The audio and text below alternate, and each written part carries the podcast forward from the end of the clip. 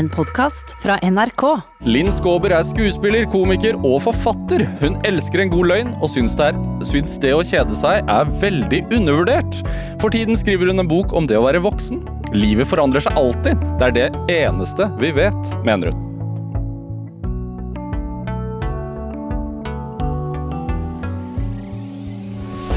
Dette er Drivkraft med Vegard Larsen i NRK P2. Linn Skåber, Hei. hei! Hallo. Veldig hyggelig å ha deg her i Drivkraft. Skikkelig fint å være her også. Du, bare introen din, du har jo oppsummert Du er så bra på introer. Ja, du følte Da kan vi Det, det holder? Det holder, vi stopper nå. Ja. Det er ikke mer enn det. Nei, ja, nei du- jeg tok jo en sjanse, da. Gir deg, putter ord i munnen på deg, egentlig. Livet forandrer seg alltid, det er det eneste vi vet. Mener Linn Skåber, sier jeg i introen, men eh, Ja, det jeg gjør det. ja. Et godt utgangspunkt. Men hvordan har du det? Jeg har det helt fantastisk i dag, må jeg si. Det er jo ikke alle dager som er sånn, men i dag jeg begynner å bli eldre, vet du. Jeg vil la meg påvirke av været. Så i dag når jeg våkna, så ble jeg skikkelig glad, altså. Jeg tenkte ikke på klimaforandringer før du nevnte det. Nei, for det er sol. Ja, det er sol. Ja, Det er sånn deilig vårsol Ja, i februar. februar. Men er du et, så- er du et eh, morgenmenneske? Altså Spretter du opp av senga og liksom hører fuglesang inn i hodet og kvitrer med, liksom? Eh, Ja, jeg, jeg, jeg gjør for så vidt det. Det er ikke alltid jeg klarer eh, å stå opp så tidlig. Men jeg har jo en sønn jeg må drive og røske i, for han er 17 år og er ikke så god på å stå opp. Nei, vi har enbarn, da, så den driver den foran. Eh, så jeg må jo opp eh, tidlig når jeg har han. Sover litt lenger ellers, men jeg er veldig glad i, i morgener. Men jeg er glad i nett nå, ikke sant, så det er litt dårlig kombo.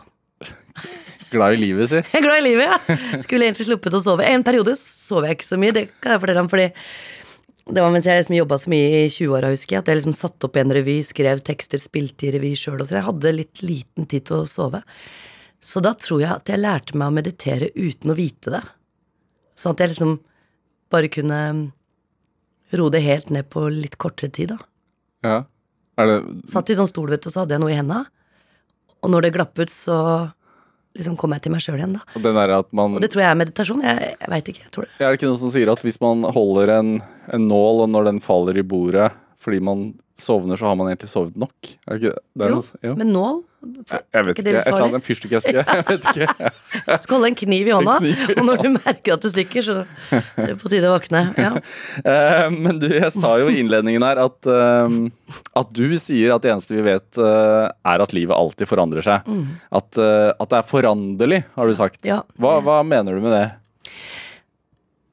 Den tanken kom nok plutselig og litt tungt på meg når jeg jobba med boka til ungdommen. For i den prosessen, så, siden jeg var i kontakt med såpass mange, så var det også en del triste ting som skjedde. Ja, fordi du tok kontakt med ungdom. Jeg gjorde det, med. ja, og så er- lever jeg jo mye med ungdom, for jeg har mye ungdom rundt meg pga. sønnen min. Og da var det en del veldig triste ting som skjedde rundt omkring, litt langt fra meg, og noen ting ganske nær meg med disse ungdommene. Og da tror jeg at det skjedde de, som, de tingene som skjedde, det tror jeg skjedde fordi man opplevde av å se en evighet som var mørk, liksom. Og det kan jo ofte med ungdommer gjøre. Fordi det er jo første gang på en måte du tar liksom litt kontroll over livet ditt og plutselig blir et menneske, og så tenker du Hvis det er mørkt, da, så tenker du dette kommer det til å være for alltid. Og alle som har levd et eh, liv, da, sånn som jeg i hvert fall, og altså, nå er jeg jo snart 50, liksom, så kan jeg jo liksom fortelle litt om det, for da har jeg opplevd livet litt, da. Og det jeg, ofte når jeg hadde foredrag og liksom så på 450 ungdommer i salen, så tenkte jeg her må det være prosentvis veldig mange som ser det, har det veldig mørkt. Og da likte jeg å fortelle dem at uansett hvor mørkt det ser ut, så kan jeg love at det blir verre, antageligvis. og det kommer til av og til å bli litt bedre. Kanskje ikke veldig mye bedre, men litt bedre. Og så plutselig en dag så er det helt fantastisk. Og det veit du ikke, selv om alt ser mørkt ut. Det er veldig viktig for meg å få sagt det. Fordi det er det eneste jeg kan sverge på, som jeg sa dem, at det vil skje. Uansett hvordan du ser livet, så veit jeg det nå, når jeg er snart 50 år, at det, det er det som skjer. Hvordan altså, liker du forandring? da? Veldig godt forandring. Du liker det? Å ja. Det er jo derfor jeg er så heldig å få jobbe sånn som jeg gjør, blant annet. Ikke sant? Å jobbe med sånn total humor i den ene enden, og plutselig det mørke i den andre, da. Så jeg jeg er veldig glad for at livet også inneholder det. Det trodde jeg eksempel aldri jeg skulle takke for når jeg var 20, men det gjør jeg veldig at jeg har fått opplevd både mørket og lyset. Ja. Og at det ofte Det kan jo til og med for noen skje på en dag, og for andre så kan jo det mørket vare i mange år, men på et eller annet sted så vil du bli glad for å ha det hyggelig en morgen, eller Plutselig er den timen jævlig verdifull, da, for å si det sånn. Hvis du har hatt det tungt. Jeg ble kontakta av en del 30-åringer etter at jeg sa at 30-åra var det verste for meg. fordi Verste og det beste, da, på mange måter, for det er så mye som skal gjøres. Du skal være totalt lykkelig kanskje fordi du kanskje er heldig å få et barn. Du er på toppen av karrieren som regel, eller på bunnen. Altså Det skjer veldig mye i 30-åra som kan virke litt stressende. Og da fikk jeg veldig mange sånne mailer fra sånne småbarnsforeldre som takk for at du nevnte det. og da fikk jeg et bilde av en av dem da, som hadde hørt litt på det jeg sa. Sånn, det går bedre nå, sa hun, og så hadde hun tent et stearinlys om morgenen ved siden av den frokosten. det var så fint, da. Det, det holdt? Ja, ja, da holdt det for henne, da. For hun hadde liksom hvert fall fått en bevissthet på det. da. Det kan være et par minutter der som kan være innmari fine oppi stresset. Men, men altså, jeg, jeg har litt inntrykk av at du er et rutinemenneske også, fordi altså du uh, du, du bor på den samme plassen. Jeg bodde jo på Grünerløkka en del år i Oslo, og, Ja. og du har bodd på den samme plassen i lang, lang tid. Ja. Og også vært Du har en stampub, eller en stamkafé, Ja, ja. som du er på mye. Ja. Så det virker som at det er en liksom, fast rutine i livet ditt, eller en fast plass. Ja da, det er sant det, altså. Eh, jeg håper si alle mennesker har litt av alt i seg, men eh, Jeg liker forandringer. Altså, det er sånn, jeg liker for eksempel sånn Når du ser året i en helhet, så liker jeg ikke så innmari godt jula. Jeg syns at jula kan være litt sånn for mørkerød, liksom. Kan være litt mørkt, og, og, det være, og det er en avslutning på noe, ikke sant? Det er slutten av året, det er for mye oppsummeringer inni meg. Hva gjorde jeg bra, hva gjorde jeg ikke bra? Altså, du opptar en oppsummering, men jeg elsker jo 1. januar. Altså, da er det bare ny tid, nye muligheter, og alt ligger liksom åpen foran deg, ikke sant? Så den forandringen der liker jeg. Syns søndager kan være veldig vanskelig. Jeg syns det kan være litt deprimerende og For da er slu, uka slutt, liksom. Ja! Og så syns jeg liksom mandag er liksom bra, da. Det er du og Petter Ja, det var noen som sa en gang, det har jeg ikke tenkt på. Men det er ikke sånn at jeg elsker det nødvendigvis heller. Altså. Det er ikke sånn, Jeg elsker mandager. Men jeg ser ja, at da skjer det noe. Og så liker jeg Jeg tror at folk kan se på meg som litt uhøflig av og til i avskjeder. For Hvis for eksempel jeg har vært sammen med noen lenge, og så skal, nå skal vi avslutte denne turen på Gardermoen, liksom. Da er jeg den som bare nikker og sier sånn takk for turen, da ses vi. Kanskje, kanskje ikke. Fordi jeg syns det er så vondt, da, at jeg bare løper over det. Og skilles etter en tur. Ja, for tur, tur med venninne, og da Ja. Ja. Sånn, takk for nå. Ja. Ikke sånn uh, nå er det sikkert lenge til vi ses, og vi skal klemme lenge og sånn. Det orker jeg ikke. Det er egentlig fordi jeg syns at det er tristest fordi fordi du føler det så sterkt? Ja. En avskjed på Gardermoen etter en ferietur med en venn? ja. Ja.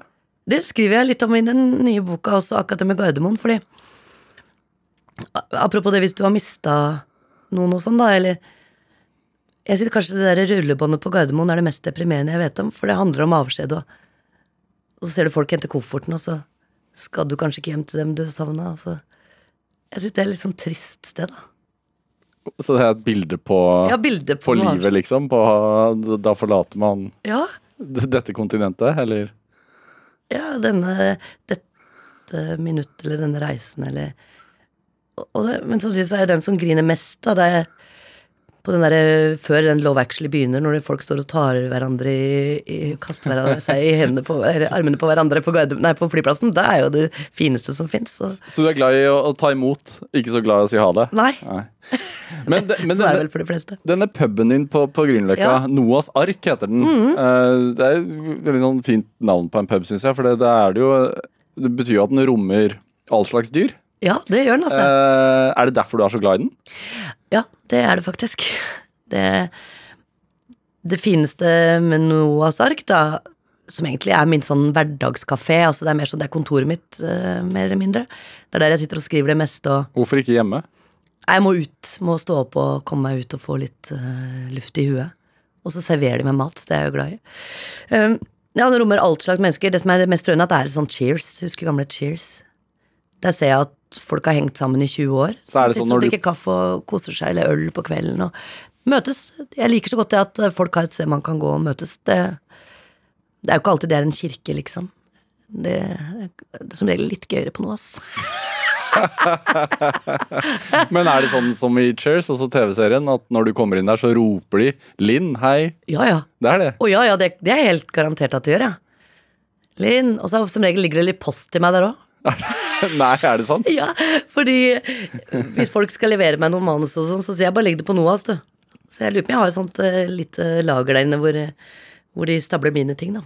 Men slår du av en prat Altså, du er jo et kjent fjes. Ja, men jeg er veldig konsentrert der. Jeg tar på meg sånne høretelefoner, og så sitter jeg og jobber, da. Så har jeg møtene mine der ofte, og Altså, det som er gøy, er at jeg har jo, siden jeg flytta i kollektiv på Grünerløkka med Ine Jansen og Tone Jon, altså disse venninnene mine for over Når er det? Jeg var 21 da, kanskje. Oi. Ja, da var jo noe av seg. 29, 29 år siden. Og er det det? Jeg orker ikke å oppsummere. Ok, det er det faktisk. Og da, de har ikke skifta meny, da. Det er jeg fornøyd med. det er akkurat det samme. Hva er det beste? Omelett med feta. Godt stekt, grovt brød.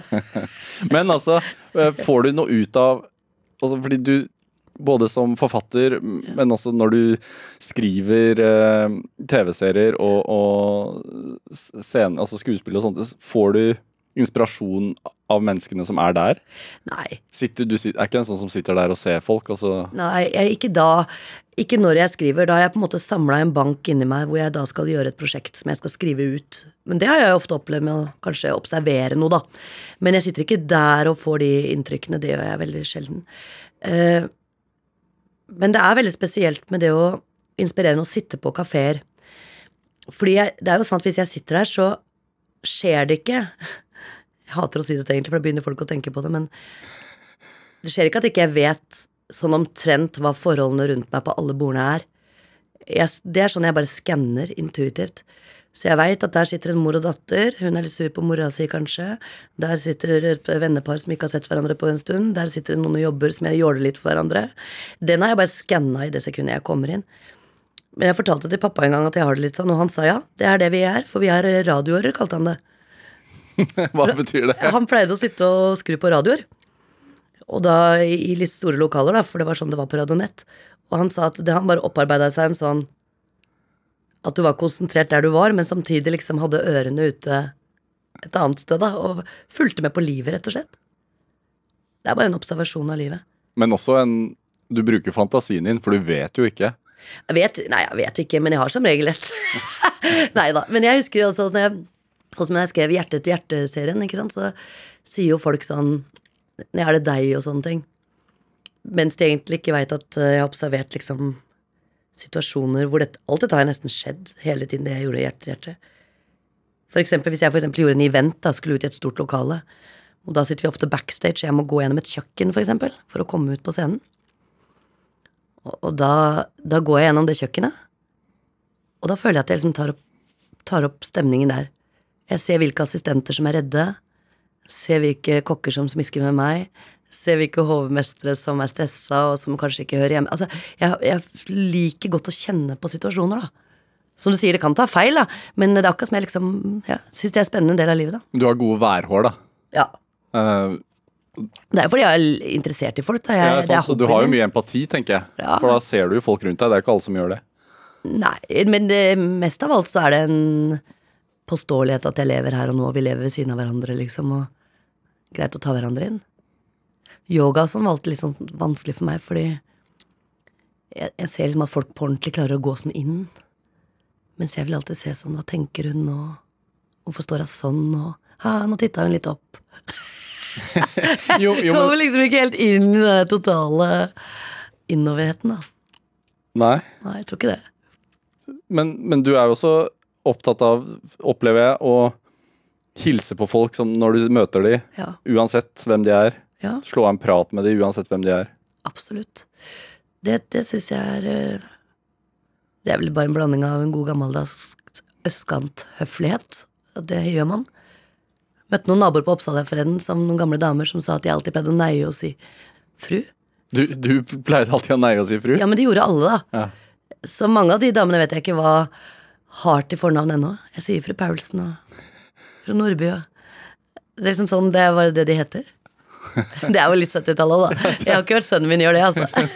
Men hvis du møter de i dag, neier du da også, eller? Ja, litt. Det, det er instinktet mitt er å gjøre det, ja. Ja. Men jeg gjør jo ikke det, for de begynner å si sånn her, Kall meg Bjørg og sånn. Nå er det på tide at du kan kalle meg Og så Nå kan jeg ikke bare få si fru Paulsen fremdeles. Det er fint med det. Dette er Drivkraft med Vegard Larsen i NRK P2. Og i dag så har vi komiker og forfatter Linn Skåber her hos meg. Eh, Chatra går selv om jeg spiller en Ja. eh, jingle. Det er veldig hyggelig. Eh, eh, også i boka di, som vi har nevnt, eh, til ungdommen, som også er et teaterstykke nå. eh, Og på Sentralteatret. Sentralteatret. ja, så der, også, det med forandring som vi har vært litt innom også, fordi der fanger du jo ekstremt godt tiden hvor man virkelig tror at ingenting kommer til å forandre seg noen gang. Ja. Men hva- var det som gjorde at du tenkte at, som jo da eh, voksen, et voksent menneske, tenkte at nei, jeg skal skrive en bok om ungdomstid. Ja. Og det var debuten din i tillegg. Ja.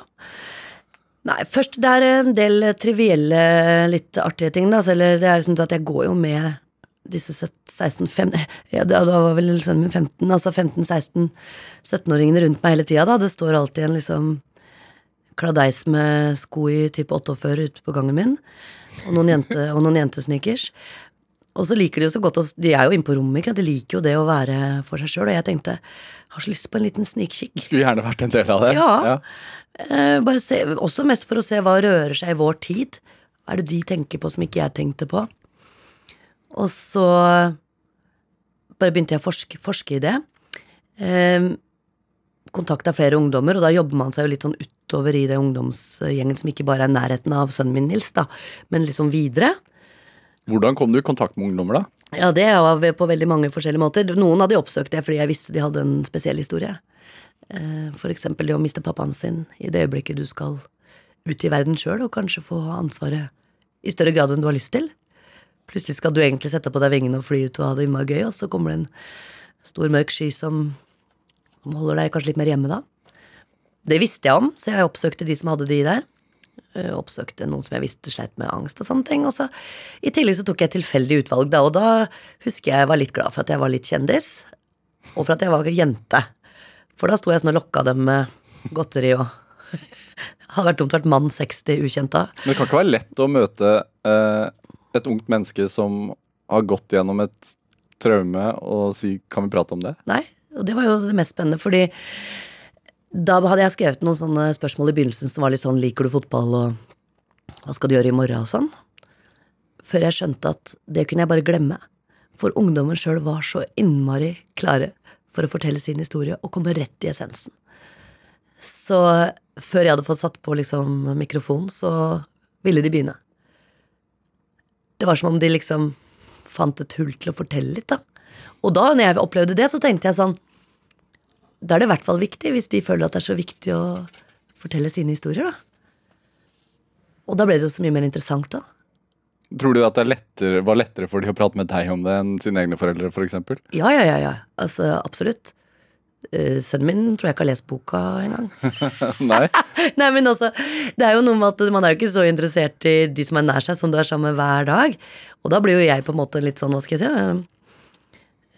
eh, tante eller en prest eller et eller annet hvor de har muligheten til å skrifte, da. Og det tror jeg vi alle har behov for, og det, det opplevde jeg at de likte godt, da. Og- det, det, det tenkte jeg på i ettertid når jeg spurte dem om et av spørsmålene, liksom, hva kan vi gjøre for dere? Hvordan er vi best voksne for dere? Og da husker jeg de sa liksom store ører, liten munn. Ja, trenger ikke så mange råd. Bare hør. Hør! La oss få lov til å prate et sted, liksom, og fortelle. For det å, og det vet vi jo sjøl, og det å få sagt ting er jo ofte det som skal til, da. Og det måtte jeg gå litt i meg sjøl òg, for jeg tenkte at jeg er helt motsatt. ikke sant? Hvis sønnen min kommer hjem og har et problem, så settes bare redningsaksjonen på inn i hodet mitt. Så da er det bare sånn, ok, da får du 350 kroner av meg, for det er det du trenger nå for å redde inn det. Så hjelper jeg, og så ringer jeg, og så fikser jeg det. Og det er ikke det han trenger i det hele tatt. Han trenger jo bare noen som hører på problemene sine. Men det klarer jeg ikke alltid der, da, så jeg driver og redder hele tida. Ok, da må vi ha nye sko. Jeg kan ringe en jeg kjenner.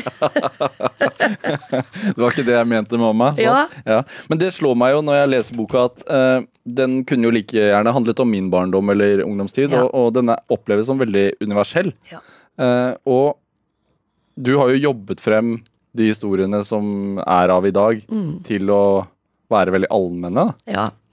Det er nok uh, en slags blanding av tilfeldig Eller flaks, kan jeg si om det, liksom. Fordi at det er jo noen av disse historiene som eh, ungdommen Altså for eksempel en historie som heter 'Hjertet mitt er en nedlagt kiosk'.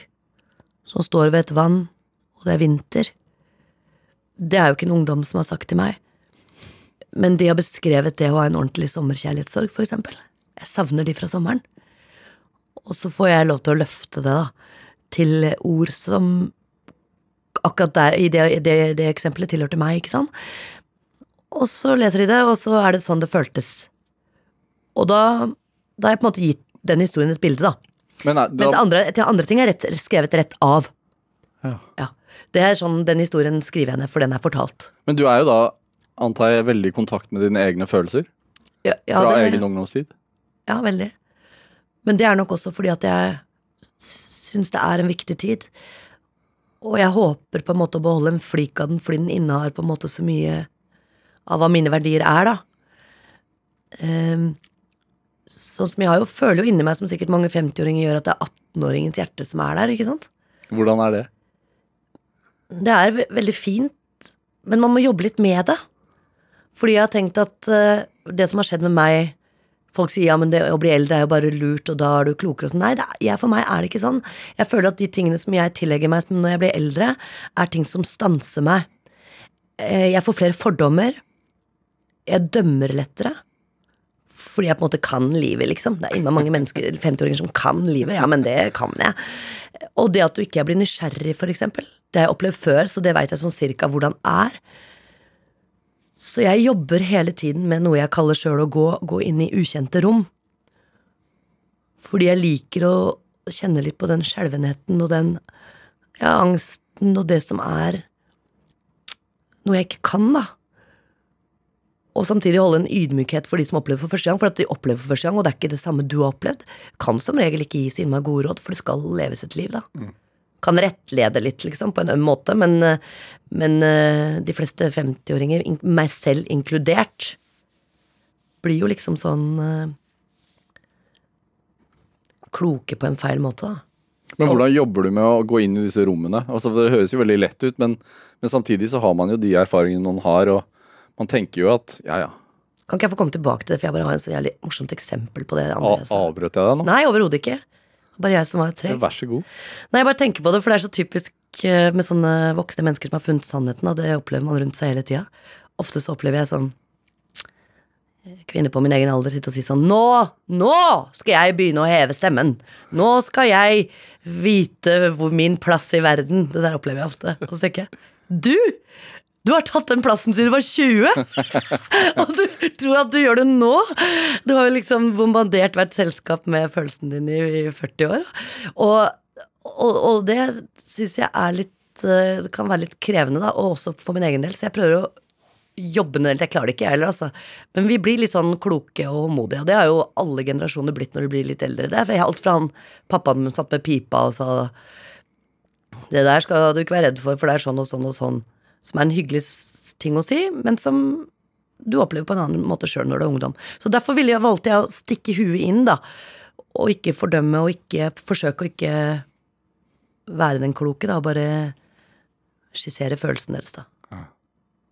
Men er det det Er det det også som er en slags sånn når, når du forteller om, om hun 50-åringen som sier at nå skal hun endelig Ta plass. ta plass, ja. Er, er, det, er det også en del Altså en sånn Jeg hadde Kristoffer Schou her i et tidligere Drivkraft, og han fortalte at han var veldig glad for at han hadde kommet gjennom 40-åra uh, uten å ha noen sånn veldig stor eh, sånn 40-årskrise. Han hadde ikke kjøpt seg Tesla og ikke, seg, ikke begynt å løpe maraton og sånne ting, men er det Men jeg veit jo hvorfor Kristoffer sier det. Kristoffer Schou er en av de jeg tenker på nettopp for å beholde den given jeg har, da. Ok. Og dette er litt stygt å si på radio, men jeg sier det likevel. Men av og til så er det jo sånn at jeg blir også litt fortvila Eller når jeg ser ungdom som er så flinke, ikke sant, at de vil herme etter det som har vært før dem, på en måte, i løypa. Hvis jeg ser sånne kvikke og raske eh, 20-årige, 25-årige gutter som unge fikser den der karrieren jævla greit, da! Og, og liksom, dette her går så fint, og du ser at de er ikke nysgjerrige, de er bare liksom, de er liksom bare det liksom henger i hop, og bare jeg ligner på de som har gått før meg, så går det greit. Og da har jeg lyst til å si til de komikerne til Men skal du ikke spise forhuden din?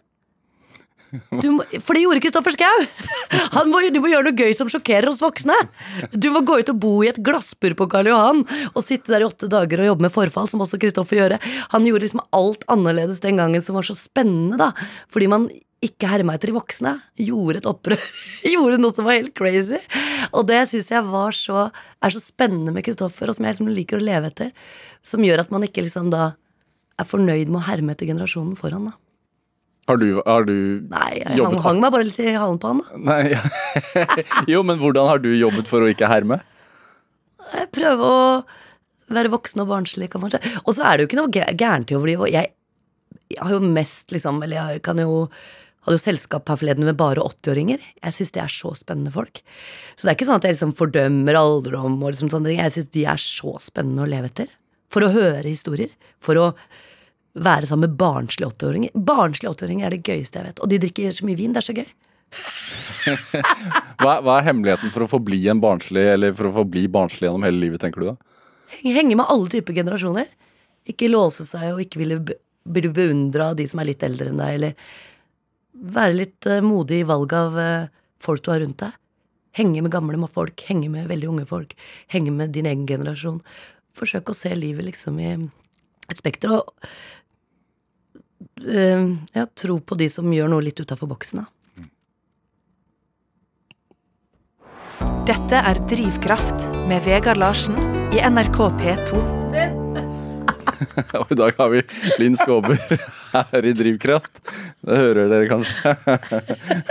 Du må, må spise forhudene. Um, Det var, husker hva det var, ikke sant? jeg husker hva det var, ja. Han Det var de syv dødssyndene, så Ja. jeg han ble omskåret. Altså. Ja, og stekte den, gjorde han ikke det? Uff a meg. Uh, Uff a meg, sier du. ja. det Det er godt noen, har gjort, godt noen har gjort det, så man slipper å herme, si. Ja, kanskje det. Ja, Men du ikke kan jo ikke gjøre det nå. Han har gjort det. Du må gjøre noe annet. Linn Skåber, eh, fantasien din eh, er eh, velutviklet, vil jeg si. Ja, det er den. Eh, du er vokst opp på Oslo, altså på Oppsal i Oslo. Eh, enebarn i sånn altså, blokkhus. Er, det, er det et godt sted å utvikle fantasi? Ja, altså, jeg vil si det beste.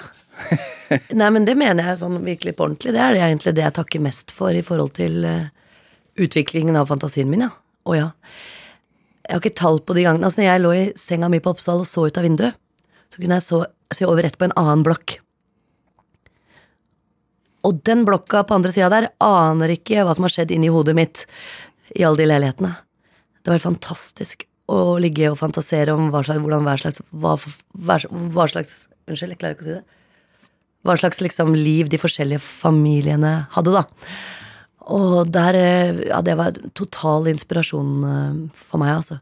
Og det at det bor så mange mennesker på ett sted, ikke sant. Og forskjellige som vi kjenner. Fru Nordby og fru Paulsen og Bønna og Altså det er så mange forskjellige typer, da, og det er jo det mest rørende, rørende jeg vet om. Jeg har sagt at for meg så er det jo liksom ikke noe vakkert å se en bilde fra NRK, for eksempel. Altså, det er vakkert, da, det er det, men nå skal jeg bare beskrive. Sånn bilde fra NRK med en gren som henger over en fjord, og ut der er Hardangervidda, liksom. Det syns jeg kanskje er spennende i tre sekunder, da. Mens det som rører meg, er at folk orker å bo sammen så tett. I New York, for eksempel, som jeg har vært én gang. Hvor folk skumper borti hverandre, sier unnskyld, fungerer, går forbi hverandre. De klarer å kjøre T-bane om morgenen fordi man lister seg forbi en annen som har en annen religion, som har et annet liv. Det syns jeg er så innmari rørende, og det er jo sånn det er i drabantbyen i Oslo. Ja, Det er jo litt sånn paradoksalt, for det er jo de største byene folk er mest åpne eh, til andre typer mennesker. Ja, det er jo paradoksalt. Det er, det er virkelig sant. Uh, Hvor man lever tettest. ja, det er kjemperart. Men det er jo derfor Du vet at folk blir redde for ting de ikke har nær seg, og det har jeg en stor forståelse for. Det må jeg virkelig si. Fordi jeg blir jo redd av ting som skjer på landet. Som for eksempel hva? Nei, for eksempel det at uh, venninna mi bodde en mm, periode på landet, og jeg sa du burde komme deg bort herfra før ungene blir store. For det står mellom basketball og amfetamin, vet du. du må ikke ha ungene dine på landet. Nei da, men jeg sier, det her sier jeg bare for litt moro skyld, altså, fordi at det er fordommer alle veier, ikke sant. Og jeg skjønner godt at det kan høres veldig skummelt ut på Grønland for folk som ikke bor der. Det forstår de, jeg hadde syntes det sjøl. For hvis du ikke er vant til å se innvandrere, er det klart det er veldig vanskelig. Men når du da kjenner han veldig godt, den ene og går og ler med han og drikker kaffe og slår på skulderen og får noe han har kjøpt på en butikk som ikke du har smakt, så blir det veldig fint, da. Men jeg må si at først og fremst så forstår jeg den frykten, og jeg syns at man skal ta den på alvor. Og forsøke å forklare hvordan vi lever andre steder bedre. Sånn som at jeg kanskje kan tro at det er fint å bo på landet en gang òg. Ja. Du kommer ikke til å flytte til landet. Nei, men jeg har begynt å like meg der. Jeg er jo Og veldig Jeg syns det er skikkelig mye fine steder eh, som er utenfor Oslo, det må jeg virkelig si. Jeg har vært på turné nå, vet du, så jeg blir jo helt Får lyst til å flytte til Ålesund og sånn plutselig, da. Er? Ja. Men, men jeg tenker sånn, siden du har gjort eh, alle disse intervjuene med unge mennesker til, til ungdommen, så lurer jeg jo litt sånn på hva, hva Hvilke forventninger hadde Linn Skåber til livet som, som barn og ung? Og jeg hadde mange drømmer, men de gikk ikke på yrke og sånn. Jeg visste jo ikke at jeg skulle bli skuespiller før jeg var 18, liksom. Visste ikke at det fantes en skole for det, eller jeg hadde ikke noe. Jeg tror jeg har vært på teater én gang. Ole Brumm. Eh, Så det var ikke det yrket mitt jeg drømte om, men jeg drømte om Jeg tror kanskje jeg drømte om eh, møte med mennesker. Jeg, jeg tror kanskje det.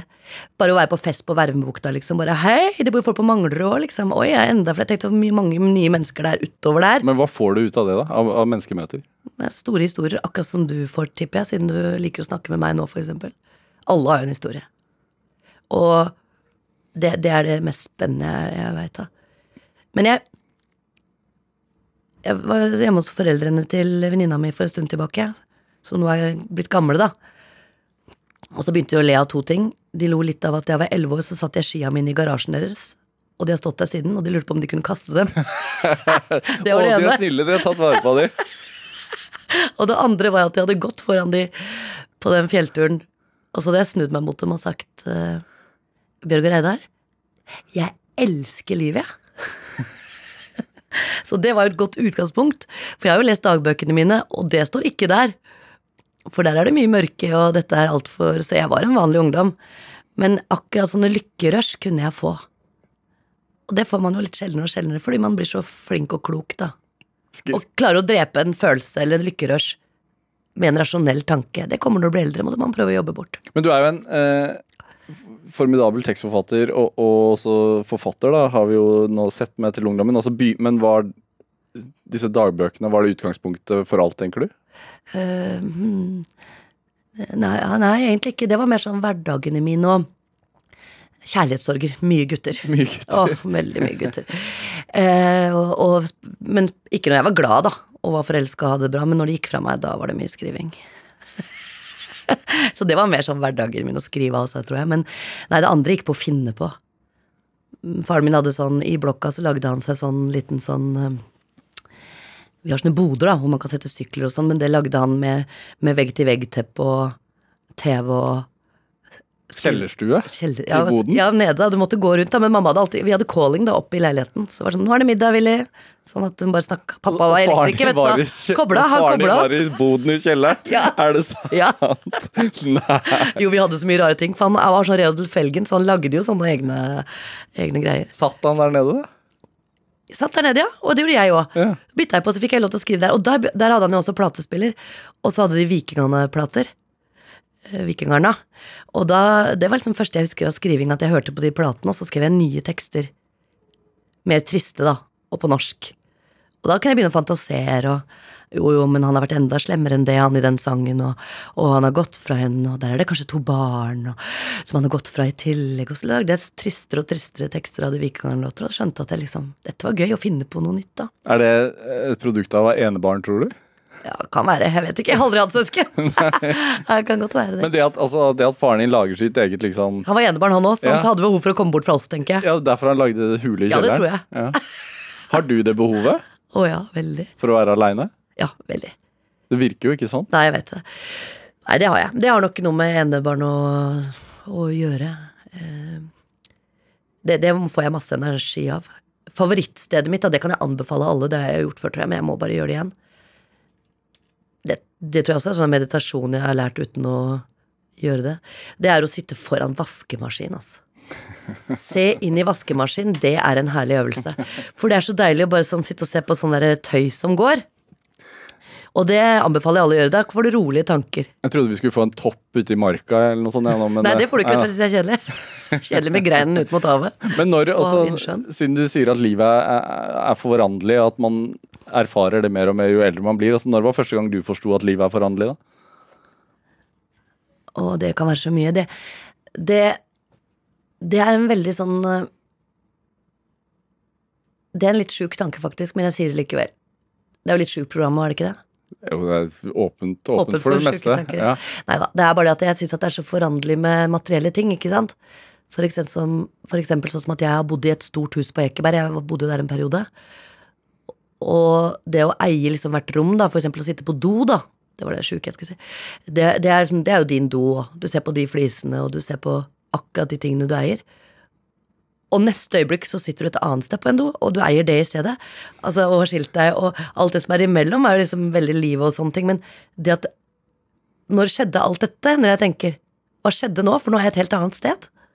For de øyeblikkene får du jo når du har flytta inn et annet sted, og he hele livet ditt er egentlig forandra, men markeringen blir de hverdagslige tingene, da, som å stå ved den stekeplata eller sitte på den doen, og plutselig står du ved helt nye ting.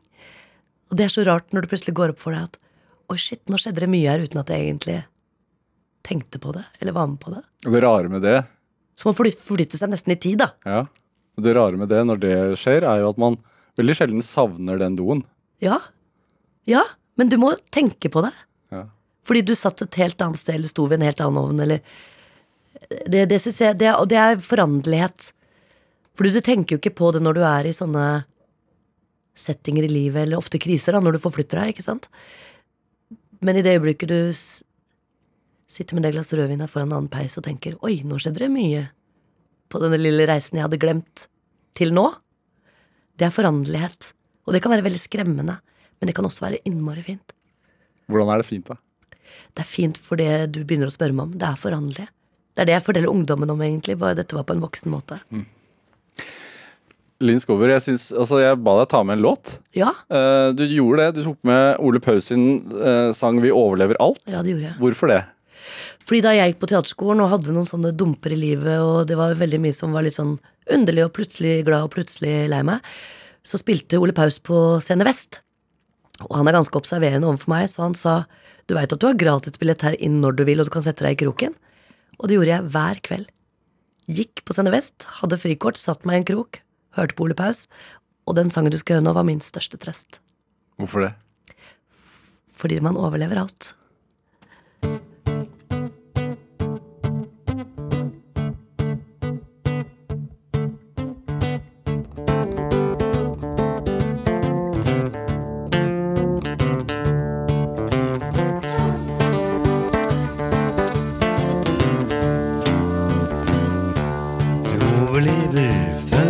Fødsel og barndom. Du overlever kulde og savn.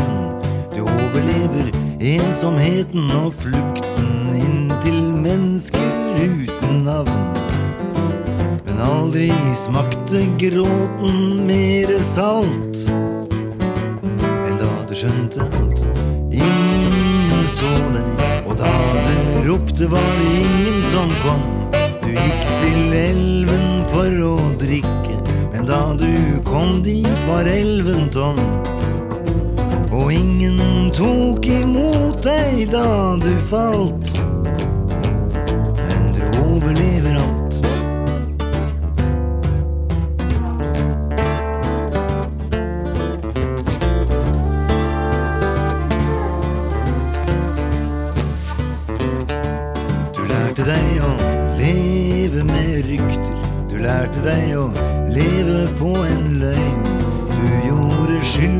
Skyldfølelsen til et reisefølge gjennom nattsvarte døgn.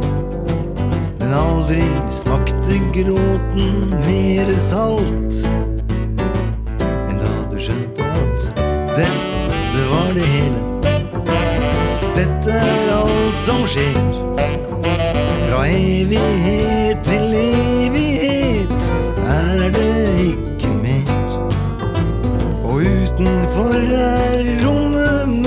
og kaldt. Men du overlever alt.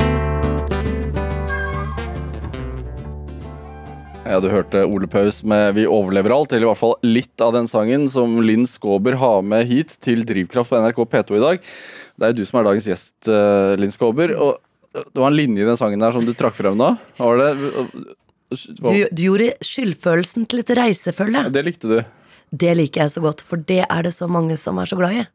Å ha han som en følgesvenn på skulderen hele tiden. Dyrke skyldfølelsen. Ja, det er noe eh, Det er noe sånn eh, Hva skal jeg si eh, kristent og fint over det, da, liksom som at folk liker det. Altså, det I Bibelen står det jo at man tilgir alt, men man vil allikevel liksom Det gjør en til et bedre menneske, da føler mange, og jeg sier det at akkurat alle følelser i livet er jeg glad i, men akkurat skam har liksom ikke ført meg noe sted.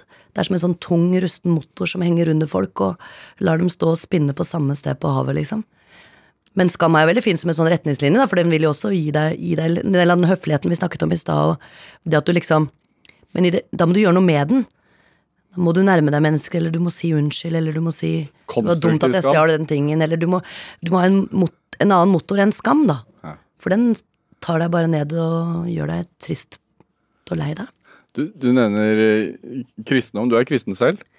Jeg, jeg tror på Gud, ja, men jeg har aldri hatt noe lyst Jeg liker kristendommen, men jeg er ikke så glad i misjonering. Jeg syns folk skal eh, spare seg for det. Ja, men jeg spør, siden du sa før du kom hit at rett etter dette programmet så skal jeg levere noen andakter her på NRK. Ja, det skal jeg. Så du skriver andakter? Det gjør jeg, og vet du hva jeg skriver de andaktene om denne gangen? Skam. Er det sant? Ja. Og det opptar meg litt, altså. Jeg syns at uh, du får flere mennesker som nærmer seg hverandre og gjør livet bedre hvis det ikke er fylt av skam på en eller annen måte. Fordi det gjør så vondt, da. Og Hva er det ska folk skammer seg for oftest? da? det spørs om det er de store eller små tingene i livet, men de små tingene er vel sånn for eksempel at du disser hele kvelden du har hatt før fordi du er litt fyllesyk på søndag morgen. Du glemmer å se alt det flotte du opplevde, og ellers skammer deg for alt du ikke hadde gjort eller skulle gjort, eller også Jeg har sagt det at jeg, det tolererer jeg ikke, fordi hvis man gjør det, så ødelegger man kvelden for den andre man uh, skammer seg for òg. Man må heller si 'dette var gøy, det gjør vi igjen'. Det må vi gjøre snart. Kanskje vi må gjøre det på tirsdag. Men altså så, en sånn uh, lys Altså du, du har en formidabel evne til å se veldig lyst på livet. Ja, det, det tror jeg jeg vet akkurat hvor kommer fra. Ja. Um, jeg hadde en far som um, så, som så absolutt på de små tingene som det viktigste i livet. Og jeg husker jeg kom inn til ham på Ullevål sykehus. Da var han skikkelig hjerteoperert. Du vet sånn lang en, sånn, eller sånn som du har splitta opp hele brystet fra halsen her oppe og ned og henta en blodåre fra bein og sånn. Veldig, veldig redd for han i den perioden, da selvfølgelig, og kommer opp på sjukehuset da han våkna. Og han smiler sånn til meg, for det første fordi han var glad for operasjonen, men egentlig ikke først, fordi han sa til meg, Linn, nå må jeg fortelle deg. Nå må du sette deg ned. Nå skal du få se hvorfor vi betaler skatt, og hvorfor vi skal være så glad for det i dette landet.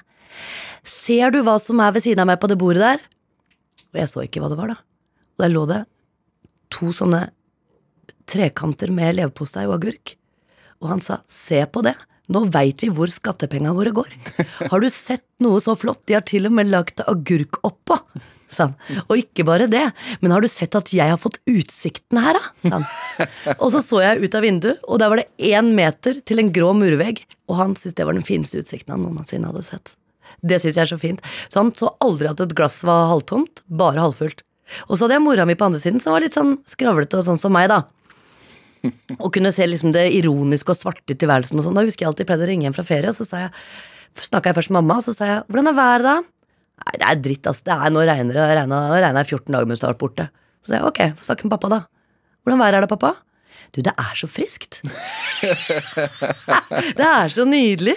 Vi sitter her og ser ut på regnet, og det er grått og vakkert. og Det var veldig morsomt å ha den der. Har du begge deler i deg, tror du? Ja, det har jeg. Ja, Er det en god ting? Ha, er, er, litt eh, problematisk av og til, men Nei, det er gøy. Jo, men er det egentlig litt bedre enn hvis begge to hadde vært eh, en, en av delene? Absolutt. Ja. Absolutt. Jeg, jeg liker den der tosidigheten. Man kan ikke gå rundt og være Altså, går man rundt og er glad hele tida, tiden, så Nei, jeg vet ikke. Jeg tipper Jeg forhåper at Petter Stordalen ikke alltid står og skriker 'jeg elsker mandager', for å si det sånn. Jeg håper han har en slags dualisme i seg. Jo, men jeg, Det er jo positivt, da. Er, man, skal være, man skal ikke prøve å uh, tråkke på folk som er stort sett glad. Nei da, og så veit jeg også at hvis du har den styrken han har, eksempel, eller sånn som jeg ser at jeg har sjøl, så veit du at du må ha et eller annet anker et eller annet sted, og det, det veit jeg at han har, da. Men er du redd for noe? Altså, vet, det satt jo, altså, du har gjort utrolig mye på scenen og, og på film og TV. Eh, men det å skrive en bok, det satt veldig langt inne hos deg, føler jeg. Altså, eller tenker jeg, fordi du begynte jo som skribent. Ja. Og du har jo alltid vært god til å skrive. Ja. Men det tok veldig lang tid før du debuterte. Ja. Ja, det har noe noe med å gjøre at jeg liksom har tatt de utfordringene som har kommet, på en måte. Og jeg har alltid visst at det på en måte skulle på et eller annet sted synes, da, kanskje, eller i hvert fall hvor målet mitt var, da. Men, eh, men det var liksom ikke det som var drivkraften. Men uh, du vet at jeg dissa kanskje skrivinga litt inni meg fordi jeg hadde så mye lyst til å spille teater. Så det på en måte var en sånn, nesten bare en hobby eller en bigeskjeft jeg hadde på siden fordi jeg ville så gjerne være skuespiller. Mens når jeg ble eldre, så liksom skjønte jeg plutselig hvor mye det betydde for meg. da. Ja, fordi man kan jo gå inn i, inn i andre mennesker også som forfatter.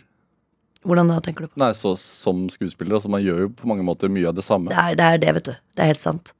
Det er jo som folk sier sånn ja, Du får ikke umiddelbar eh, applaus, da. Det er forskjellen. Ja, det er forskjellen.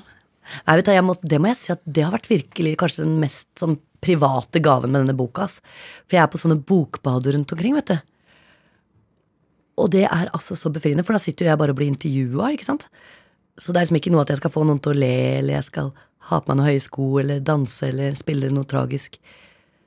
Og det er altså så berikende å sitte med folk, og så kommer det folk, og så har jeg fått vært på Svalbard, blant annet. Jeg har vært i Lofoten, Stavanger Jeg har vært overalt med den boka. Og bare hatt det hyggelig. Ja, uten noe prestasjon, da. Men er det derfor For prestasjonen er jo gjort. Ja, Ja, det er helt uvant. Slipper å levere Ja, det er uvant, altså. Det er veldig hyggelig. Men er det derfor også at du er blitt trigga til å skrive en bok nummer to? Altså Ja. til, til de voksne, er det det den skal hete? Vet, Vet ikke ennå. Du skriver på den nå? Ja, jeg bare visste ikke at du visste det. Men, visste- du vet alt. Utrolig hva man vet. Ja, jeg gjør det. Jeg gjør det. Jeg intervjuer ikke så mange denne gangen. Jeg forsøker å være litt eh, sånn som du snakka i begynnelsen. Jeg prøver forsøker å observere og hva jeg har observert. Så har jeg snakka med noen selvfølgelig om tanker som ikke bare skal komme fra meg, men samler vel opp litt av hva jeg har sett, da. På de kjøkkenene gjennom fra den eventen og på Noahs ark og Hva har du sett da som er med i boka? Jeg har sett at eh, At man ofte kanskje står på andre siden av de forandringene vi snakket om, som omvendt av til ungdommen, ikke sant, hvor de skal inn i det og ikke vite det. Men det kan også være en sorg å ha vært gjennom det, og skal det skje mer? Det kjenner jeg jo veldig på sjøl òg. Usikkerheten rundt skal det komme mer forandring? Ja, du er mer Du er mer eh, redd for at det ikke skal skje noe, kanskje, enn for at det skal skje noe. Ikke sant? Eh, I hvert fall opplever jeg det mange rundt meg. Det kan også være Jeg har skrevet en bok som heter eh, Høna, som er kanskje den mest vulgære. Den, den, den eh, handler om det at liksom Du skal være voksen i hodet, men hvor er det andre livet liksom som, som du hadde før? Hvor jeg skiller på en måte kroppen og tissen. og så har jeg brudd, hvor du står på andre siden og tenker at dette gikk veldig bra, men det er også en sorg. At alt går bra likevel. Det er jo ganske rart. ikke sant? En eksplosjon som skjer i livet ditt, og så går du på andre siden og ser at du lever videre. Hvordan, hvordan gikk det til? Eh, Jeg har skrevet om eh, ja, forskjellige deler av livet. Det å føle seg utenfor som voksen, det er jo ganske nesten verre enn å gjøre det som tenåring, fordi det finnes jo ikke noe ord for det som heter at de liker meg ikke. Sånn som man, man blir splitta fra en ungdomshjem, for eksempel, så kan du skrive om det jo til ungdommen, men det kan være like vanskelig på en arbeidsplass å ikke føle seg hjemme. Som om, som, Ikke bli invitert på fredagspilsen. altså det er litt sånn at vi voksne trenger noen råd, vi også? Eller noen Ja, jeg håper jo ikke at de ser på meg som en rådgiver. Da. Jeg Mattis yeah, yeah. Herman Nyquist, som har regi på Til ungdommen, sa veldig godt hvordan han hadde jobbet med Til ungdommen. Han sa at han hadde gjort det sånn at han sto ute i universet og dykker ned i ett og ett menneske. Og sånn tenker jeg litt når jeg skriver til de voksne. At jeg tar, plukker ut tilfeldige mennesker på gata som følt noe. Føler noe. Men, Til, til de voksne, ja. Mm. men, men er det litt sånn at Altså, hvilke råd hadde du trengt? Det er nok eh, dette rådet med at det er ikke så farlig, liksom. Veien blir veldig til mens du går, og det er liksom det som skjer.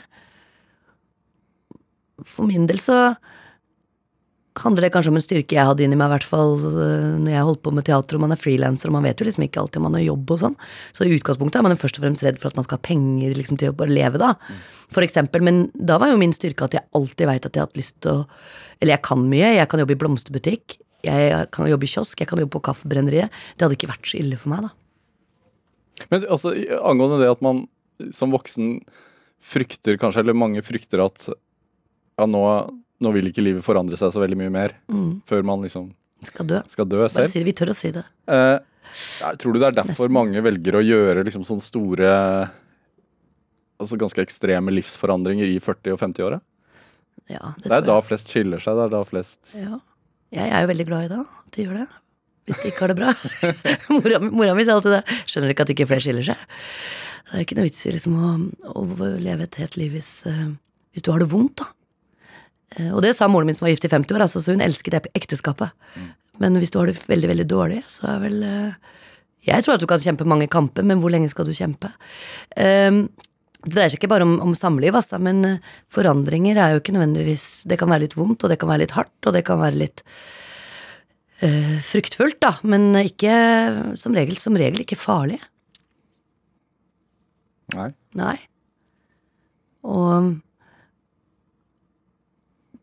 Forandringen kan jo skje i 20-åra, det, det skjer jo ofte i 40-åra. Men det, det består jo som regel Løsninger Det er jo ikke alltid å liksom gjøre noe sånn utafor seg sjøl. De største forandringene gjør de jo inni deg for å se på livet på en annen måte.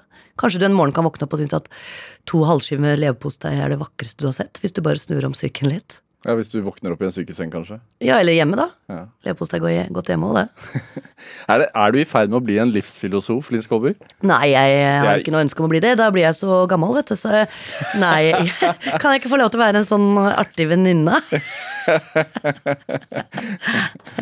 Ja. som du har lyst til å drikke et glass vin med? Og, Er, er er du redd for det? Å bli sett på som gammel?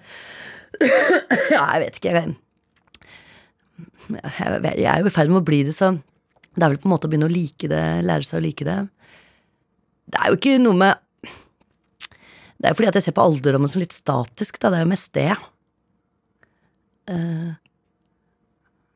og jeg syns det er innmari sånn rørende å se på folk som opererer seg og sånn, liksom, fordi at Ansiktsoperasjoner og sånn. Ja, jeg syns det er veldig rørende. Fordi at, Rørende? Ja, fordi at alle skal liksom disse det så veldig. Liksom sånn, ja, hun gjør det, og se, har du sett noe så jævlig, og sånn. Men bak der ligger det jo en sånn, sånn ønske om sånn, kan jeg ikke få lov til å leve her litt lenger, da? Ha det gøy litt lenger? Så jeg, jeg har ikke noe behov for det, da. Jeg har det jo mer gøy inni meg, alltid hatt det. Vært sånn helt greit passe opptatt av utseendet. Men det er jo det de roper om. Jeg vil, vil være her lenger. Det syns du egentlig er ganske vakkert? Ikke vakkert, men jeg syns det er rørende. Ja. Fordi jeg ser hva, hva det skriket er, da. Dette er Drivkraft med Vegard Larsen i NRK P2. Og I dag så har vi komiker og skuespiller og forfatter Linn Skåber her i Drivkraft. Eh, Timen nærmer seg slutten, men jeg tenkte sånn eh, altså Du er snart aktuell med sånn TV-program om løgn. Om løgn? Ja. Lystløgner på TV. Hva er din beste løgn? Oi, beste løgn? Ja, det, det veit jeg ikke. Jeg, hadde en bestefar som jugde hele tida, sånn at eh, jeg var oppdratt i løgn. Altså, Du skulle dra på med gode løgner hjemme hos meg, da, for da var, du litt, da var de fornøyde, liksom. Vi, hadde, vi kom jo fra en sånn derre eh, gøye historier og ljugefamilie. Husker bestefaren min eh, mange år så trodde jeg at han hadde trebein fra kneet opp. jo, det trodde jeg alltid han hadde. Ja, han sa det. Ja. og så tok han oss ut i skauen, for vi skulle, gikk flere timer, for han ville prøve å finne elghi. Mente at elgen bodde i hi. Det trodde jeg, tror jeg til jeg var tolv. Men er du glad i livet selv? Ja, jeg- Lystløgner, altså hvite, snille løgner? ja, hvite, snille løgner. Jeg hadde en veldig bra en her forleden. Har du lyst til å høre den? Ja, veldig gjerne. Ja, den tror jeg du vil ikke. Nei, venninna mi under meg, jeg hadde hosta hele natta, jeg hadde ligget og hørt på henne. Så jeg gikk inn og spurte sånn, er det noe jeg kan gjøre for deg, du har fått bronkitt, det hører jeg. Hørte igjennom gulvet, liksom, da hoster du ganske bra. Og hun sa ja, kan du gå ned på Dr. Drop-In for meg og bestille time? Så jeg det kan jeg. Så jeg gikk ned på Grünerløkka, sto foran den skjermen, da må jeg personnummeret hennes og sånn, så hun ringte meg og sa det. Og da står det hva feiler det henne? Blankt ark. Så da ble det klamydia. Nei, nei. nei, nei, Og hun kommer inn der og er så dårlig. Og hun er så lei seg, for hun er så syk. Og så kommer hun inn, og legen eh, sier ja, du testet for klamydia. Hun, sånn som du sier nå, sa hun nå. Nei, jeg har bronkitt. Og hun hosta og hosta og skjønte ingenting. Hoste mer, da, for da blir hun stressa. Og hun fikk så vidt sagt at jeg har bronkitt, eh, og da skjønte hun plutselig det, Du har hørt av Linn Skåber, ikke sant? sa hun. Han sa ja. Og så lo han selv. og stolen sto klar til sjekk og alt. Men eh, ja, det er gøye løgner i hverdagen. Hvordan det er en practical joke. Ja, det er practical joke. Um, Hvordan ble det tatt imot? Nei, ja, altså, hun har lovet meg hevn som er så grusom at jeg ikke vet når den kommer. Ja, så du går bare og venter? Jeg går og venter, ja. Så det også gir jo litt puls i hverdagen. Ser deg alltid litt ekstra rundt. Ja. Er det sant? Skal jeg egentlig på radio i dag eller ikke? Nettopp. Ja, det er litt sånn. Uh, nei da, jeg syns at uh, det må ikke være ondskap, men uh, jeg kommer fra en familie hvor både practical jokes og løgner var en del av hverdagen, ja. Hva, hva er det, hva er det som er fint med det, da? Det er, det er mye gøy, altså. Man trøster seg jo litt med det, tror jeg. Jeg føler at det er en sånn uh, gøy tradisjon fra Oslo indre øst i byen, er sånn som jeg ser det, da, for de var derfra. Så jeg tror man uh, livnærte seg mye på kvelder med gøy og Gøy og faenskap. Men blir, blir du, kan du bli forbanna hvis noen Tuller med meg? tuller med deg? Nei, det tror jeg ikke. Jeg har så mye snille folk rundt meg, så de tuller ikke så mye med meg. Sønnen min tuller mye med meg, da. Jeg har fått noe av det samme genene. Eh, Linn Skåber, dette programmet heter jo Drivkraft. Ja. Eh, jeg spør jo alle som er her, Ja. hva deres drivkraft er. Hva, hva tror du er din? Det er det jeg er kjempeenkelt å svare på. Nysgjerrighet er det eneste ordet jeg kom på. Totalt. Og hvordan fungerer det som drivkraft? Det fungerer med det jeg snakket om litt i stad, med å gå inn i ukjente rom. Det betyr egentlig å være nysgjerrig, det holder meg levende. Det kan være for eksempel eh, Bare ta eksempel som ligger nær meg i tid. For eksempel at jeg ser på Dagsrevyen, ser at han eh, lederen der nede er tatt med en drone, vet for lite om Iran. Får tak i noen jeg kjenner fra Iran, hvilke bøker skal jeg lese? Må være på norsk, da, for jeg er ikke noe god i engelsk. Um, Sjekk ut jøss, hva driver de med der på det stedet? Snakker de om det? Oppsøke det? Være nysgjerrig på mennesker. Livet blir så mye mer spennende av det, skjønner du. Jeg hadde alltid hatt lyst til å ha et tekstkurs for unge mennesker så de skal skjønne hva det betyr, og da har jeg en øvelse som jeg har lyst til å gjøre. Jeg har ikke gjort det. Jeg har lyst til å gå på en gate på en asfalt, trekke opp en rød tråd på én kvadratmeter hver vei, og be dem å skrive ti historier fra den flekken. Og så kommer de til å si at det fins jo ikke noe der. Og så sier jeg der fins det kanskje tusen historier hvis du er god nok. Der har en due dødd. Der har to mennesker kyssa. Der er en gammel dame grått. Vær nysgjerrig på hver kvadratmeter, så ordner det seg. Tusen takk for at du kom hit eh, til Drivkraft, Linn Skåber. Hør flere samtaler i Drivkraft i NRK Radio på nett og app, eller last oss ned i din podkast-app. Send forslag til gjester jeg kan invitere til programmet. Send en e-post til drivkraft, alfakrøll, Dette var Drivkraft, og jeg heter Vegard Larsen. Du har hørt en podkast fra NRK P2.